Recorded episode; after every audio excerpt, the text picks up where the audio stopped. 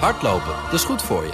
En Nationale Nederlanden helpt je daar graag bij. Bijvoorbeeld met onze digitale NN Running Coach... die antwoord geeft op al je hardloopvragen. Dus, kom ook in beweging. Onze support heb je. Kijk op nn.nl slash hardlopen. BNR Nieuwsradio. Boekenstein en de Wijk. Hugo Reitsma. Escalatie in de Azovzee.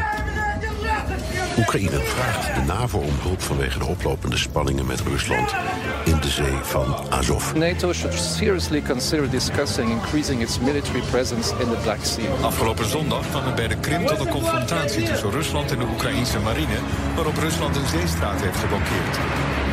We expect Russia to ensure that there is unhindered and free passage through the Kerch Strait and that the captured vessels are uh, released.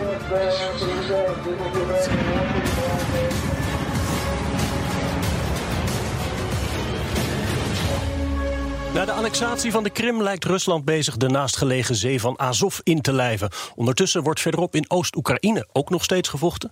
Boekenstein en de Wijk inspecteren de linies. Op zoek naar de nieuwe wereldorde. Vanuit ons operatiecentrum. Aanwezig. Leunstoelgeneraal Rob de Wijk. Zo is het. En waar was hij zonder overste Boekenstein?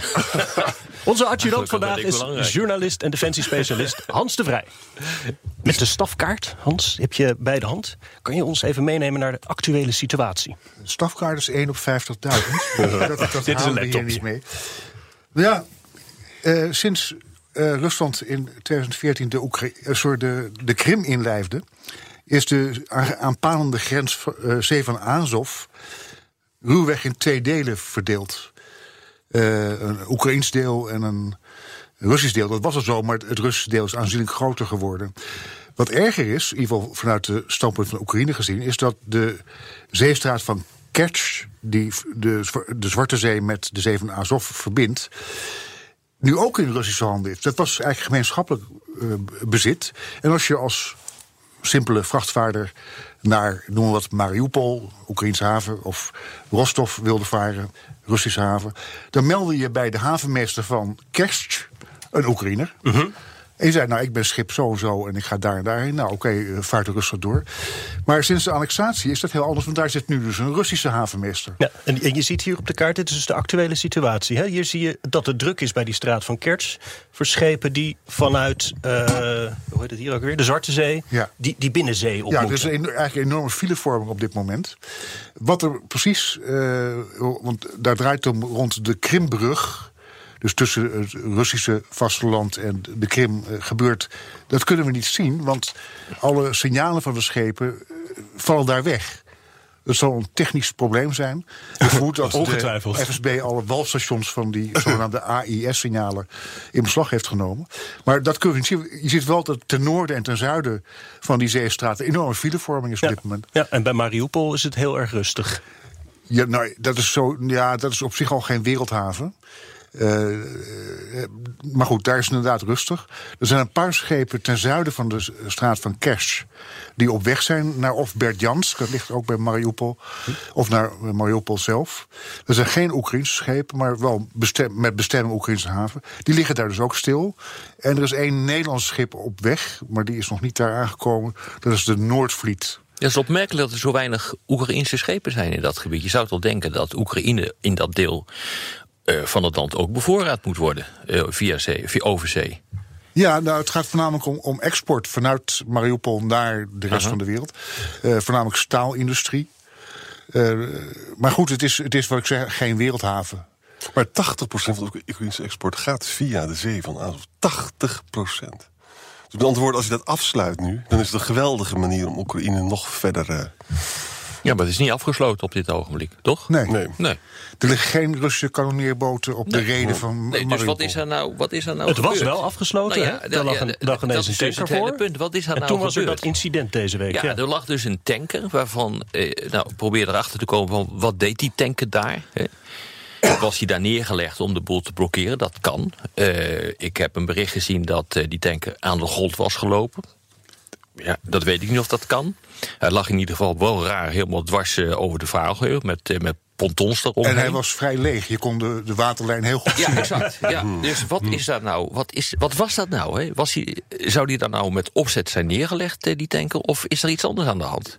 Ik moet, ja, voor mij is het ook maar gissen, maar ik, mijn eh, dat is niet gissing zou zijn. Ja. dat hij daar opzettelijk is neergelegd om te voorkomen dat die drie Oekraïnse marineschepen eh, de zee van Azov zouden Ja, binnenvaren. maar dan kan je dat toch ook op een andere manier doen. En bovendien blokkeert het hele verkeer, ook de Russische schepen die er doorheen gaan. Dus eh, waar ben je nou mee bezig? Ja, nou, die blokkade heeft niet zo lang geduurd. Ik Nee, schat zo'n 24 uur. Ja.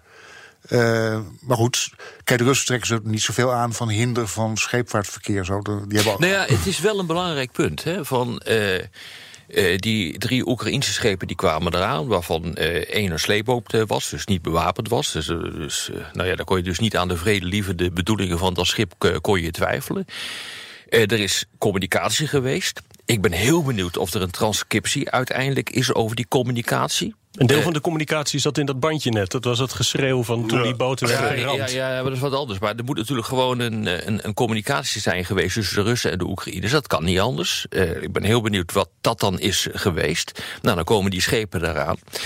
Als inderdaad het zo is dat dat eh, schip daar neer is gelegd om, eh, om de boel te blokkeren, nou, dan heb je dus inderdaad een diplomatiek incident van de eerste orde. Als dat schip dan lag omdat hij inderdaad aan de grond is eh, gelopen, dan kan ik me voorstellen dat eh, de Russen zeggen van, jongens, stop even, Eh, niet doorvaren, want anders ram je dat schip. Dat is wel belangrijk hoor, om precies te weten wat daar, eh, wat daar gebeurd is. Want we, eh, eh, we, we, gaan het nu dus onmiddellijk zien als een diplomatiek incident. Dat is het inderdaad geworden, maar wat was nou de aanleiding van? Nou, ik heb geen idee, moet ik eerlijk zeggen. Op dit moment zijn dus de, de zogeheten AIS, dus Automatic Identification System, signalen van de koopvaardijschepen gestoord. Maar ik heb meteen nadat dit gebeurde het signaal van die tanker gevolgd. En die was op weg naar het zuiden. Die was al de Zwarte Zee binnengevaren. En is daar is dan vervolgens teruggekeerd. Ah. Terug naar die brug. Dus die is vermoedelijk, ja, eh, heeft hij opdracht gekregen van de autoriteiten. Ga jij daar even liggen? Eh, dus die, het is in ieder geval een Ja, opzettelijke dat maakt het nog raarder, dit. Ik Ja. heb wel een theorie. Ik heb wel een theorie. Nou, Kom op. Ja, Poetin wil, wil graag laten zien hoe zwak het Westen reageert op dit soort dingen. Er is heel weinig deterrence, heel weinig afschrikking. hè. Dus hij doet het nu zo, hij gaat net niet over de grens heen. In de, bij de G20 gaat ook helemaal niks gebeuren hierover. Hij heeft, Trump heeft hij al in zijn zak, dat weet hij. Hè. Hij weet dat eh, Poroshenko ongelooflijk lage populariteit heeft. En je gaat dus gewoon eventjes een speldenprikje. Dat kan. En dan daarna gooi je het weer open. En dan zie je, kijk, zie je, ze doen niks. Ze durven, de NAVO durft niet eens schepen naar de Zwarte Zee te sturen. Nou, er, er zijn voortdurend NAVO-schepen op de Zwarte Zee. Ja. Die mogen daar niet zo lang blijven. Er Ja. zijn bepaalde regels voor. ja, er is geen permanent escade. Nee. Dat bedoel Dat ik. mag. Maar kijk, Poroshenko die roept ook heel domme dingen. Zoals eh, hij zei: Duitsland moet schepen naar de zee van Azov sturen. Ja. Nou, dat kan helemaal niet, want de zee van Azov is geen internationaal water. Ja. Dus je kunt niet als NAVO daar vrolijk komen binnenvaren. Ja. Van, hallo, je zei. Hoe, hoe werkt dat? dat? Wat is wel en wat is niet Het is een internationaal uh, water? Oekraïns-Russische binnenzee. Ja. Ja. Althans, dat was het. Het is nu meer een Russische binnenzee. Ja, nou formeel niet. Maar, Ja, eh, Want er was een overeenkomst over gesloten. Ja, in 2003 hebben de twee landen een overeenkomst eh, gesloten over het gezamenlijk gebruik van die zee. Ja. En dat iedereen dus eh, van de, de schepen van de twee landen gewoon vrije doorvaart hebben. Ja, de, de Russen die, eh, hebben, ja, Ja, die, dat die, die doen iets met 2000 die afspraak die ligt in de prullenmand. Ja, natuurlijk, 2003. Maar- dat is wel even tien jaar voor de annexatie van de Krim. Ja, maar Dus blijft het feit dat het dus geen internationaal water is. Dus Ja. buitenstaanders hebben daar niks te zoeken. Nee. En kunnen. Stel je voor, je komt met een, na, een Nederlands NAVO-schip... komt naar de Krimbrug varen. Ja. Die wordt uit, uit het water geblazen. En dat mag. Oh, dat mag. Ja, dat mag. Oh. En wat Ja. ik zo interessant vind, is Havik in- in Amerika, die zeggen dan nu van ja, er moet een eh, internationaal navel-SK, er moet naar Mariupol moeten gaan liggen om te voorkomen dat het wordt Nou, dat is oorlog, hè? Ja, dat kan dat dus niet. Die komen die brug niet voorbij. En die komen de brug. En bovendien is dat zou dus ook oorlog betekenen. Ja. Maar nogmaals, dat betekent dus dat Trump. eh, Poetin doet iets wat vrij kwalijk is, laten we eerlijk zijn. En er komt weer geen reactie van het Westen, omdat de reactie ook ongelooflijk moeilijk is. En ook omdat Oekraïne geen NAVO-lid. Maar, maar het is een fantastische manier voor hem om ook weer te laten zien hoe invloedrijk hij in Oekraïne is. Dat Oekraïne dus een, een corrupte arme staat zal blijven. Dat het Westen ook Oekraïne niet te veel kan helpen. Dat hij het wel in staat is om het allemaal klein te houden. Want hij wil uiteindelijk voorkomen dat Oekraïne ooit nog wel zo lid zou worden. En hij wil helemaal voorkomen dat Oekraïne welvarend en democratisch zou worden. Want dat zou een enorme ramp zijn. Ja, maar dat is denk ik ook zo. Ja. Ja. Want dan zou namelijk Nou Rusland ja, maar ook je zei democratisch iets interessants, hè, van dat die haviken in, eh, de Verenigde Staten zeggen... dan moeten we een escade eh, dat zeegebied invaren... wat dus inderdaad niet, niet mag. Maar de vraag is überhaupt of ze wel onder die brug doorkomen. Want Misschien moeten ze waarschijnlijk eerst die hele brug gaan uh, fluiten schieten... voordat ze die zee in kunnen. Want die eh, brug is in verlaagd. kunnen varen, want Ja, die brug is vrij laag. Ja. Ja, veel, veel zit- vrachtschepen kunnen er ook niet door, hè? Nee. Dus je zit, je zit met een redelijk eh, probleem eh, daar. Maar ik denk eh, eh, dat er wel eh, haviken te vinden zijn in de Verenigde Staten... die dat best zouden willen proberen, hoor. Ja, dit. dan, en als je dat dus gaat doen, dat is gewoon een casus belli. Eh, ja, dan, ik bedoel, we hebben het hier wel vaak over oorlog... maar oh, dit is wel een hele echte directe Maar de, aanleiding. de om dit grote vraag is dan, wilt u sterven voor Mariupol? Ja, en het antwoord is nee, denk ik. Bij in heel veel nee. gevallen. Maar ja, als de, als, eh, de Donald, eh, de grote opperbevelhebber, dat verordeneert... dan zijn er toch nog genoeg Amerikanen die zeggen van... ik ben daartoe bereid. Ja. Maar Trump zegt niks. BNR Nieuwsradio. Boekenstein en de Wijk. Op zoek naar de nieuwe wereldorde. Dit is Boekenstein en de Wijk. En dat programma is natuurlijk niet zonder Arend-Jan Boekenstein en Rob de Wijk. Mijn naam is Hugo Reitsma en onze gast, journalist en defensiespecialist Hans de Vrij. Die ook veel ervaring heeft met de Russen, toch al als eh, correspondent in Koude Oorlogstijd al. Ja, ik, ik heb eh, twee keer be- ben ik correspondent bij de VN in Genève geweest eh, tijdens de Koude Oorlog. Dat was heel interessant. Ehm, eh, daarna later onder meer correspondent bij de NAVO en de Europese Unie. na de Koude Oorlog. Ehm, maar nog in de tijd dat Rusland eigenlijk als een ja, neergeze neergezegen olifant werd gezien. Ja. En eigenlijk wat best vriendelijk was en zo. Ja. Dus de Yeltsin-jaren. Ehm, en een van mijn grootste missers in mijn vak is dat ik tijdens de Münchener Veiligheidsconferentie van 2007, waar ik ook voor, voor verslaggeving Ja. was, niet helemaal juist heb begrepen wat Poetin daar zei. Dat was eigenlijk de, de terugkeer van Poetin op het wereldtoneel. Ha- De harde Poetin. Ja. En ik was zo gewend aan die koude oorlogstaal van voorheen... dat ik, ik hoorde niks nieuws. Ja. Ja, zo was het altijd. Ja, Maar het was hartstikke nieuw. 2007 München. Ja, dingen nou, zijn dit is wel terug naar de Koude. Oorlog, hoor. Wat we Ja. nu meemaken op dit ogenblik. Zeker. eh, Met de strijd tussen Oekraïne en Rusland. De reactie van Trump eh, erop. De reactie van het Westen eh, daarop. En eh, ik denk dat heel veel mensen gewoon vergeten zijn. Al was het alleen maar omdat ze gelukkig nooit die Koude Oorlog hebben meegemaakt. Van hoe dat werkt en wat er dan gaat gebeuren. Ja. We hebben nog niet de, de Donbass genoemd. Eh, wel Mariupol, maar de- volgens mij vanuit de buitenwijken daar kunnen ze het geschut horen in Oost-Oekraïne. Nou, in handen van die. eh, op het ogenblik. het is, is het nu rustig? Ja, redelijk. Het is een soort padstelling eh, op dit ogenblik. Ja, ik bedoel, ik zou er niet willen wonen of zo. Of op vakantie willen gaan. Maar, Maar Hans, Ja, sinds- moeten wij dit met elkaar in verband zien? Het ligt in elk geval dicht bij elkaar. De, de conflict om de Azovzee en Donbass. Sinds eind 2014 ligt de frontlinie 20 kilometer oostwaarts van eh, Donetsk. Sorry, van. Sorry, de knippenweef. Sinds eind 2014 ligt de frontlijn 20 kilometer oostelijk van Mariupol. En als de wind dus uit het oosten komt, dan hoor je inderdaad de beschietingen. Maar ja, men speelt daar al jaren nu de Eerste Wereldoorlog na. In loopgraven met ja, elkaar af en toe beschieten. Maar eh, niemand schiet daar verder een centimeter mee op. Behalve, dat moet gezegd worden, de enige terreinwinst de afgelopen twee jaar wordt geboekt door de Oekraïners. Maar dan heb je het over terreinwinst van 100 meter, 200 meter. en dat is vooral Echt de rond Eerste Wereldoorlog. Ja. Lugansk en eh, Donetsk. Ja, wat dat betreft zal denk ik ook eh, de Oekase die nu eh, uit Kiev is eh, gekomen... dat er geen mannen uit Rusland meer mogen komen van de leeftijd van... wat is het? 16 tot 60, of iets ja. dergelijks. Ja. Dus de ge- gevechtsrijpe leeftijd, zeg maar. die mogen er niet meer in. Nou ja, dat zal dus waarschijnlijk ook niet veel soelaas bieden... omdat het toch al een padstelling is. In dat, Maar, eh, maar waarom gebeurt er niks aan dat eh, oostelijk front? Nou kijk, Oekraïne zou een poging kunnen wagen om de eh, verloren gegaane gebieden terug te veroveren. Bijvoorbeeld. Maar dat doen ze niet. En waarom niet? Omdat zij, denk ik, op hun, aan hun theewater aanvoelen dat het dan echt oorlog wordt met eh, Rusland. Ja. Vanuit Kiev wordt vaak gezegd: we zijn in oorlog met Rusland.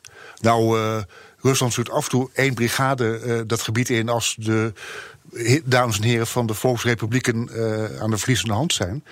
Dat bijvoorbeeld gebeurt bij Debaltseve en Ilovaisk. Maar meer dan één brigade is het niet. Nee. Als, Ru- als Oekraïne daar met vele brigades binnen gaat vallen, dan zal Rusland zich ook denk ik, moreel verplicht voelen om daar even terug te slaan. Dat doen ze dan met divisies. Ja, en die zijn in de buurt. Dat kan. Ja. Ja. En de Russen, zouden die eh, misschien over land eh, tot, tot de aansluiting met de Krim willen? Dat, dat kan je natuurlijk Dat doen als je die zee in theorie handen die op dit moment ook in met name de Verenigde Staten wordt, ge- wordt geventileerd. Maar dan moet je goed beseffen wat je dan zegt. Rusland, Rusland zou dan eh, met name willen oprukken tot aan de landgrens van de Krim. Ja. Zodat ze niet meer afhankelijk zijn van die ene eh, brug. Ja. Ja. Maar dan heb je zo misschien ook daarna nog doorstoten naar Odessa. Maar, Grote havenstad eh, aan de Zwarte Zee. Ja. Maar dan heb je het over een hele kwetsbare positie. Want er is een hele lange aan- en afvoerlijn... die de. Oekraïners over de hele lengte kunnen bestoken. En dan is het ook En dan moet je dus nog verder naar het noorden. Ja. En dan is ja, dat, veel... dan heb je Dat was de actie goud, hoor. 2015, hè, dat dat zou gaan gebeuren. Dat idee van Nova Rossia of zoiets. Ja. hè? Ja. Dat, dan is het ook veel aantrekkelijker om het via de zee te doen. Hè? Nu heb je dus even laten zien wat er zou kunnen gebeuren. Dan hoef je dus helemaal niet die Nou corridor ja, te maar maken. goed, over zee kun je alleen maar prikken. eh, ja. Nee, maar, dus- Tenzij een D-Day-achtige landing gaat nee, nee, maar, dat ik, nee, maar ik, bedoel, ik bedoel, economisch kan je ze dus... Ja, economisch wel, ja. Alles kan. En ja. dat is natuurlijk heel leuk. Ja. Even nog een vraag aan u. Van, we hebben dus nu gezien met die hele pensioenhervorming in Rusland... dat voor het eerst echt de Poetin-populariteit significant daalt. Ja, als gevolg van de lage energieprijzen, hè, moet je er even bij Zo, dus, zeggen. en, en- en ook dat, maar, maar de percentages zijn dus april 82% oktober 66% En ik las vanmorgen ook nog een lager percentage... waarvan ik niet weet of het waar is, want de Russen die geloven zelf ook die Pools allemaal niet. Maar goed, we hebben wel gezien, zodra zijn... Een, een, een buitenlandse invasie de, eh, schroeft zijn populariteit op. Hè. De Krim was duidelijk, de Syrië ook. Is dit nou iets dat, eh, dat er ook achter kan zitten? Dat hij probeert eh, een Nou, beetje wapengekletter? kijk, A, wordt er in Rusland veel minder naar eh Pols. opiniepeilingen gekeken dan bij ons. Ja. Het zal Misschien ook wel zijn, eerlijk gezegd. Hij heeft zijn eenheidspartij, Russische eenheid, heeft hij achter zich. En onder de duim. Ja, ik, ik, ik, ik denk altijd dat het echte grote gevaar van de Poetin-theorie over eventueel groot Rusland ligt in de Baltische landen. Als namelijk Poetins theorie. Rusland is o- dat waar Russen wonen. En Russen zijn mensen die Russisch spreken. en de Russisch-Orthodoxe Kerk aanhangen. of in ieder geval. Dat is Rusland. Als u die, die theorie is nu uitgevoerd in de Donbass. Ja. Als u die theorie ook uitvoert in Estland. of Letland. dan heb je Wereldoorlog 3. Maar hij heeft Kaliningrad al. Mogelijk. Hij heeft Kaliningrad al met, met kernwapens zelfs. Ja. En dan kun je al- alles doen en laten wat je wilt. Als je Estland gaat, of Letland gaat bezetten, die, die, die, die, Letten en die Esten houden niet zo van je. Kost verschrikkelijk veel geld. Je hebt enorm gelazer met de NAVO. Zou Nou, dat is met Trump aan, de, aan het roer is dat nog wel de vraag.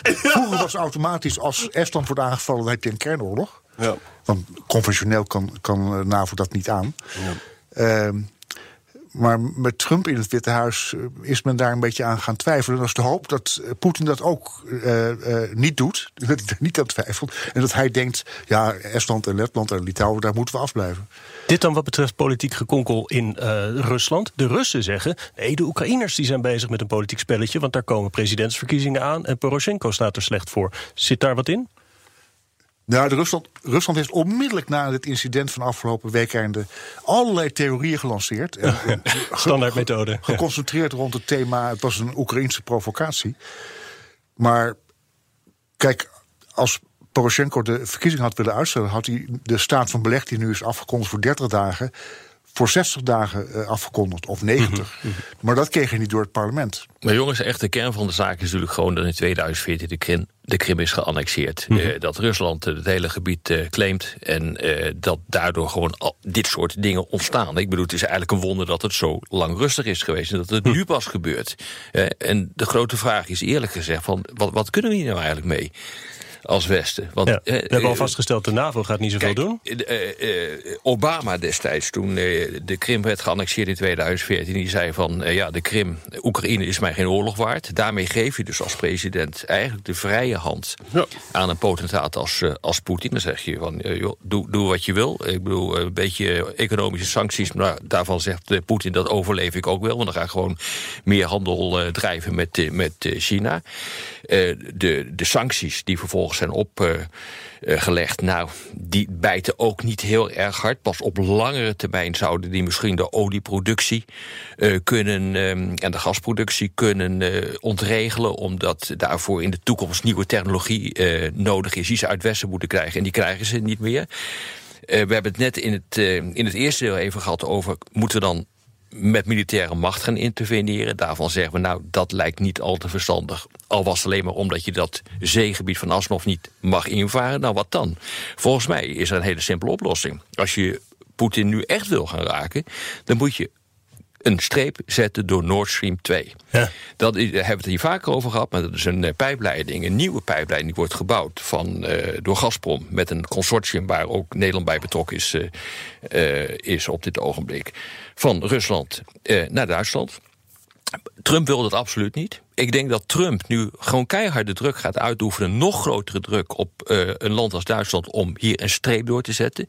De Europese Commissie is hier ook geen voorstander van. Nederland is er wel voor een voorstander van. En hier zie je precies wat het grote probleem is op dit ogenblik. Zowel Duitsland, maar ik, volgens mij heeft Rutte dat ook gezegd. Die zeggen: ja, dit is niet geopolitiek, dit heeft niks met veiligheid te maken. Dit is gewoon handel. Onzin. Dit is geen handel. Uh, handel in zo'n situatie is geopolitiek. En als je Rusland echt wil treffen, dan moet je morgen een streep zetten door Nord Stream 2. En dat betekent dus dat je inderdaad enorme verliezen gaat leiden. Maar dat is dan maar wat je voor lief moet nemen. Ja, maar er is volgens mij niet eens animo voor, uh, voor extra gewone sancties in Brussel. Nee, ik geloof dat het zelfs al lastig wordt om de huidige sancties te handhaven. Ja, realiseer je, dit is ook gedaan na de annexatie van de Krim. Toen heeft de Europese Commissie hoe dat is gegaan, dat doet er nu even niet toe. Maar feitelijk een streep gezet door South Stream. Dus door de zuidelijke pijpleiding. Ja. Daar is Rusland enorm van geschrokken. Ja. Dit moet je nu ook gaan doen. Als je echt een vuist wil maken. Ik bedoel, ik zeg niet dat je het moet uh, doen. Maar er is eigenlijk maar één methode om uh, op Poetin nu op, uh, op zijn plek te zetten. En dat is dit. En het interessante is hierbij van het gaat niet gebeuren. Merkel wil het niet. Rutte wil het ook niet. Nee, Shell heeft met lege handen Shell heeft grote belangen. De ja. multinationals zijn hartstikke tegen. Die lopen de deur plat bij Rutte, maar ook bij Merkel. Hè. Moet je nou even het perspectief van Poetin dan zien? Die denkt van jeetje, ik heb weer wat gedaan. Nord Stream het gaat gewoon, het gaat gewoon allemaal door. Ik heb het weer voor elkaar. Ja, Swift, Swift zouden we kunnen doen. Hè? Swift is heel erg machtig, het bankverkeer. Ja. Gebeurt ook niet. Dat is bijna gebeurd. Hè? Swift dat is het, uh, het uh, berichtensysteem tussen banken. En dat is nodig om je economie te laten draaien. Om het even heel simpel te zeggen. Wat er gebeurd is, en het was destijds geheim dat dat uh, gebeurde... was zo na de annexatie van de Krim. Op het moment dat de Russen dreigden Oost-Oekraïne binnen te vallen... is er gedreigd, Europese Unie samen met, met Amerika om Rusland uit het SWIFT-systeem te, eh, te, gooien. Als dat was gebeurd, was de Russische economie totaal gesloopt. Wij kunnen dat dus doen, hè? Ja. We betalen een prijs voor het. Maar het gaat niet gebeuren. Dat betekent dus dat Poetin denkt van... ik heb nog zoveel speelruimte. Ik kan nog zoveel lekker gaan buiten spelen. Kosovo bijvoorbeeld, hè? Ook de Baltische Staten. Kan allemaal. Ja. Vorige week eh, starten we geloof ik de derde wereldoorlog in de Zuid-Chinese Zee. Ja, ja. Nu, al, nu al hebben we het over Estland, dat is toch dichterbij. Ja. Nou, en op die vrolijke noot was dit weer Boekenstein en de Wijk. Vanuit ons operatiecentrum, namens Arend-Jan Boekenstein en Rob de Wijk... zeg ik dank voor het luisteren. Speciale dank aan Hans de Vrij. Boekenstein en de Wijk is elke zaterdag om 11 uur op de radio... maar wanneer u maar wil via iTunes, Spotify of uw eigen podcast-app. Abonneert u zich op de podcast en daar kunt u ook reageren. Graag zelfs, want we hebben allemaal weer leuke reacties ja, erop geselecteerd. Uh, ene Peter Wolbeek. Goede uitzending met een mooi overzicht waar we naartoe gaan als het aan China ligt. Inderdaad, Alex de Winter. Heren, en dit is een vraag ook uh, aan Jan. Bestaat er misschien een mogelijkheid dat deze podcast vertaald kan worden richting tv-programma? Hmm, Erg prettig om duiding te krijgen over meer dan relevante zaken. Daar denken we wel over na, hè, maar dat lukt maar niet echt, geloof ik. Martin Roemen vanavond de podcast van Boekenstein en de Wijk op Spotify ontdekt nu pas. en, en dan komt hij een heerlijk gebingelist. Dat is een woord zeg. Ja. door Utrecht. Iedere 20 minuten vergaat de aarde met ingetogen enthousiasme. En dat was nu ook weer het geval. Volgende week weer.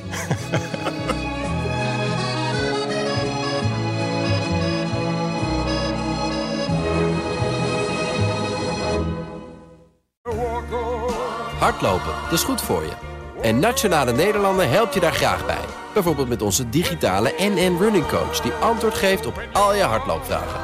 Dus, kom ook in beweging. Onze support heb je. Kijk op nm.nl slash hardlopen.